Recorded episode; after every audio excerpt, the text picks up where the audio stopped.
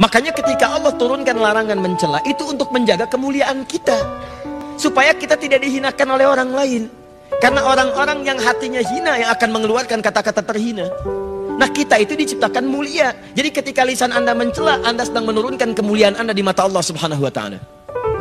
Catat itu baik-baik. Nah sekarang persoalannya, ketika Allah muliakan anda, justru anda menyandingkan kemuliaan itu dengan hewan yang jauh statusnya. Maka ini merendahkan kemudian ketetapan Allah subhanahu wa ta'ala itu yang sangat berbahaya. Itu yang paling bahaya.